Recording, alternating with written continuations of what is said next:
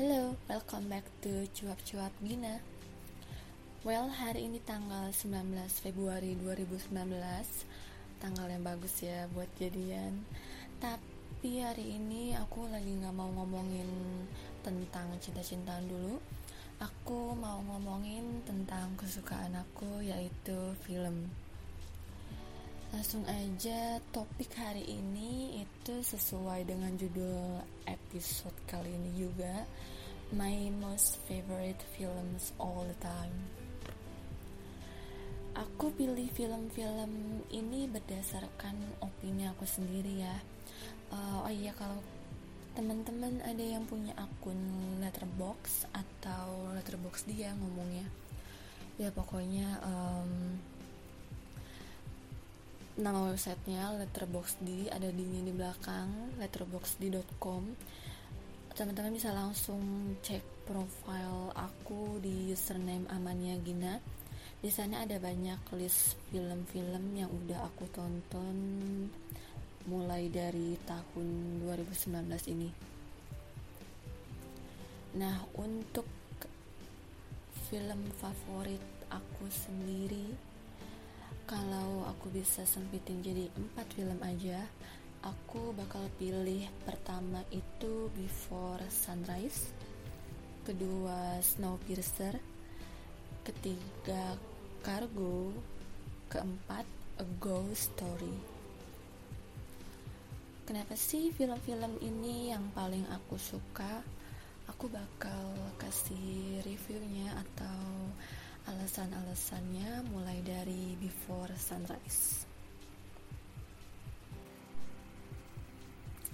Before Sunrise adalah film bergenre drama romance yang disutradarai oleh Richard Linklater. Plotnya sebenarnya simple banget, yaitu tentang dua orang yang gak saling kenal satu sama lain dan bertemu di uh, sebuah kereta lalu akhirnya mereka memutuskan untuk berhenti di kota Vienna. Dan sepanjang uh, perjalanan mereka mengelilingi kota Vienna itu mereka uh, mengobrol tentang banyak hal um, yang aku ingat sih itu tentang kematian ya terus uh, filosofi filosofi hidup juga itu mereka ngobrolin sama tentang mantan mantan pacar mereka. Tapi uh, meskipun film ini plotnya sederhana cuma ngobrol doang yang paling aku suka itu malah ya justru percakapan percakapan mereka itu. Meskipun kayak ngalor ngidul gitu uh, percakapannya ke mana-mana. Tapi chemistry chemistry di antara uh, kedua karakternya si si Jesse sama Selin ini benar-benar natural. Ya chemistry mereka benar-benar natural. Dan percakapan percakapan itulah yang aku suka dari film ini. Bahkan ada satu scene di mana uh, Celine ngebahas tentang feminisme um, untuk scene favorite aku di film ini adalah saat um, mereka makan di sebuah restoran uh, lalu si Jessie ngajak Celine untuk um, si untuk ngobrol lewat telepon tapi uh, telepon bohong-bohongan gitu. Jadi kayak imaginary phone. Um, ya aneh sih kalau di kalau di apa ya kalau di uh, pikir gitu. Kalau dipikir tuh aneh aneh banget gitu. Eh, nggak uh, masuk akal kan kayak ngobrol lewat telepon bohong-bohongan gitu tapi di sana tuh kelihatan banget kelihatan banget um, mereka berdua tuh benar-benar nikmatin momen yang ada. Benar-benar kayak ya di kota itu yang mereka yang mereka tahu yang mereka kenal ya cuma mereka berdua aja gitu. Cuma kenal satu sama lain aja sih. Selin cuma kenal Jessie si Jessie cuma kenal Selin. Tapi ya entah kenapa ya um, aku suka aku suka banget sama chemistry mereka berdua. Meskipun sederhana film ini sangat sederhana um, tapi ending filmnya sendiri adalah ending film yang menurut aku sangat realistis jadi aku nggak bakal bocorin endingnya tapi ya um, jadi teman-teman bisa nonton sendiri kenapa aku bisa bilang ending film ini ya realistis dan kenapa percakapan-percakapan mereka itu bagus banget kenapa chemistry ada kalian bisa membuktikannya sendiri dengan nonton filmnya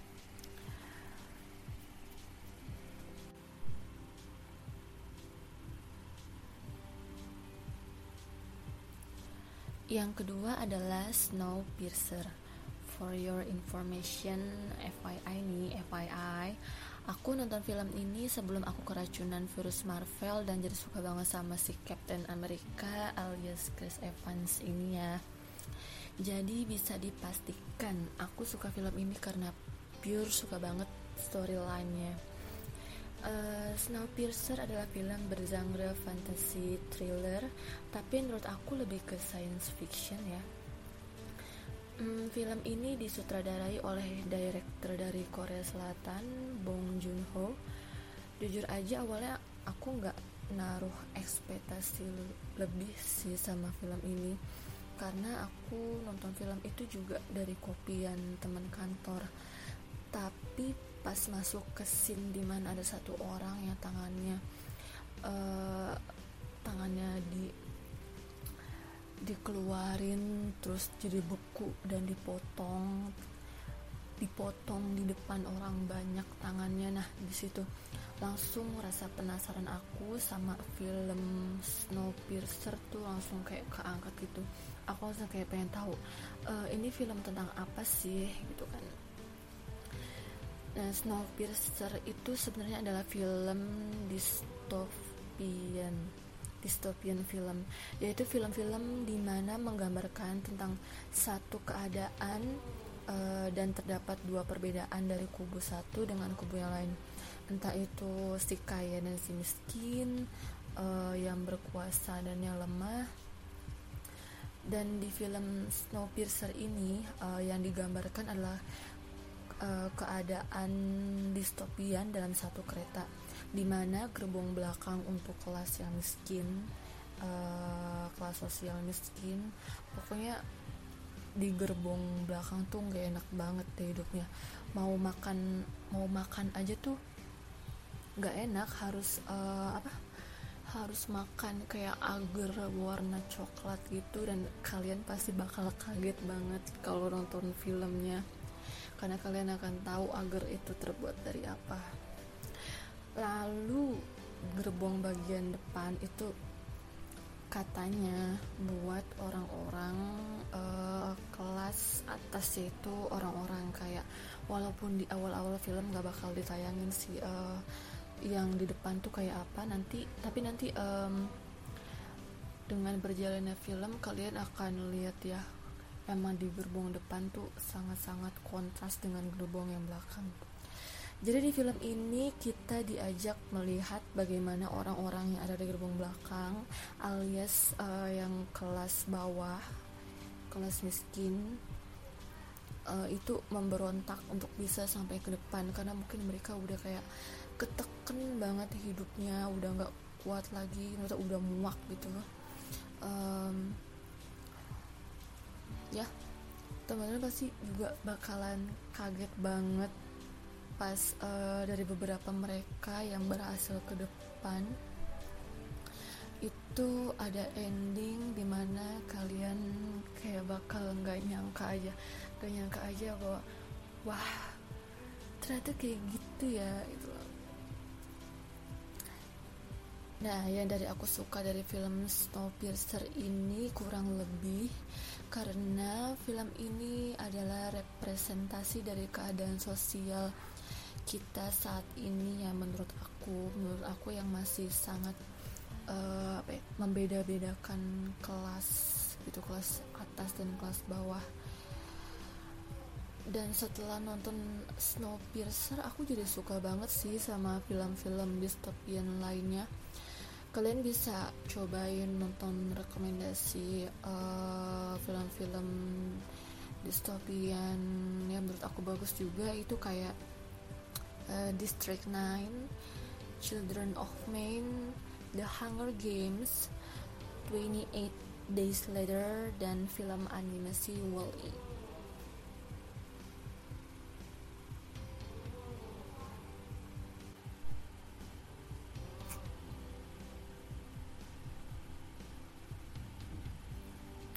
Selanjutnya adalah film Cargo.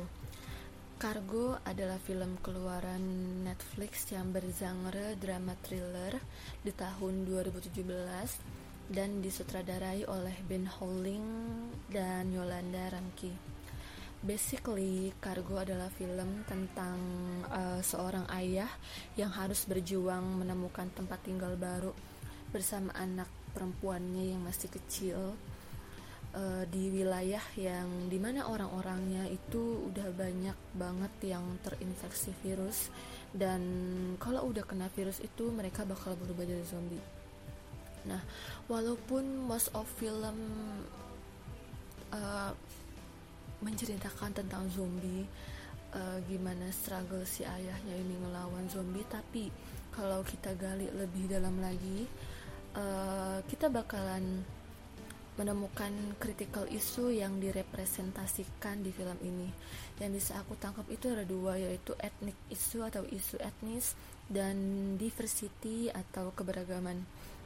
Jujur aku bisa menyimpulkan film ini uh, menggambarkan tentang kedua kondisi yang tadi karena saat kuliah aku pernah belajar Australian Culture and Society jadi pas banget karena setting film Cargo juga di Australia jadi aku uh, bisa menyimpulkan dua hal itu. Nah dari dua isu itulah yang bikin aku amazed sama film Cargo ini.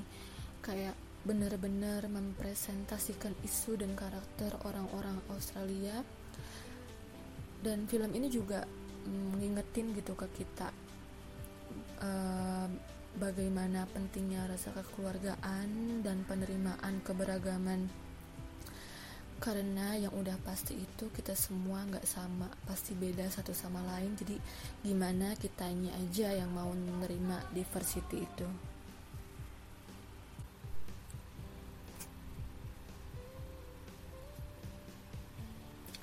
Dan yang terakhir adalah film A Ghost Story mungkin dari judulnya aja teman-teman bakal ngira film ini tentang uh, film setan-setanan ala-ala The Conjuring atau Insidious ya. But it's a big no it's so different. Tapi bukannya takut aku nonton film ini malah jadi nangis. I don't know why. So The Story adalah film bergenre drama fantasy keluaran A24 di tahun 2017 dan disutradarai oleh David Lowery. Film ini sebetulnya adalah film setan-setanan. Yang pertama kali aku coba untuk tonton sendirian.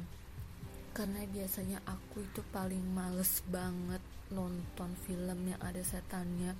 Capek aja gitu um, apa deg-degannya sendiri. Jadi harus ada temen tapi film yang satu ini beda banget. A Ghost Story is really a different film from any ghost movie.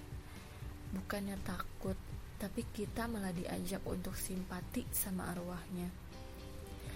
Ceritanya adalah tentang uh, suami tentang seorang suami yang udah mati tapi arwahnya masih mau tetap tinggal di rumah. Di mana di rumah itu masih ada istrinya awalnya emang rada nyeremin sih karena um, apa bentuk bentuk arwah si suaminya itu kayak apa sih kayak setan kayak emoticon gas emoticon setan yang ada di uh, WhatsApp itu loh. Tapi ke sini sininya malah jadi kayak kasihan gitu karena uh, dia kayak belum ngerela ngerelain untuk ninggalin istrinya. Dan acting istrinya yang diperanin oleh uh, Rooney Mara emang udah gak bisa diragukan lagi. Si Rooney Mara ini emang udah masterpiece-nya meranin karakter-karakter perempuan dalam kondisi depresi dengan muka kuyunya itu. Uh, contoh film yang uh, bisa kalian tonton juga kalau mau ngelihat aktingnya Rooney Mara ada di film Her H.E.R. dan Side Effects The best scene di film A Ghost Story menurut aku adalah saat si istri makan kue pie yang dia dapetin dari temennya beberapa hari setelah kematian suaminya itu. Di scene di scene itu padahal yang diperlihatkan cuma uh, si istri lagi makan doang. Scene-nya tuh bener-bener lagi makan pie itu karena kayak apa ya kayak uh, apa makan di diambilnya tuh pakai garpu tapi aku nggak tahu kenapa di scene itu kelihatan banget kelihatan banget si istri juga merasakan depresi karena ditinggal oleh suaminya. Dan yang namanya film produksi A24 itu nggak afdol kalau endingnya nggak bikin kita mikir. Endingnya tetap bikin kita mikir sendiri maksudnya gimana. Dan akhirnya kalau aku ya kalau aku langsung buka YouTube untuk nonton explanationnya tapi overall uh, film ini masuk ke dalam uh, the most favorite films all the time versi aku. Karena aku suka banget sama konsepnya sinematografinya itu bagus banget. Pokoknya the best deh film ini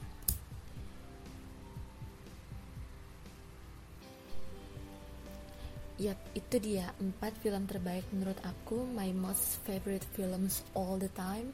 Semoga film-filmnya aku review tadi bisa jadi rekomendasi tontonan kalian di akhir pekan. See you on the next episode in Cuap Cuap Gina Podcast. Bye bye.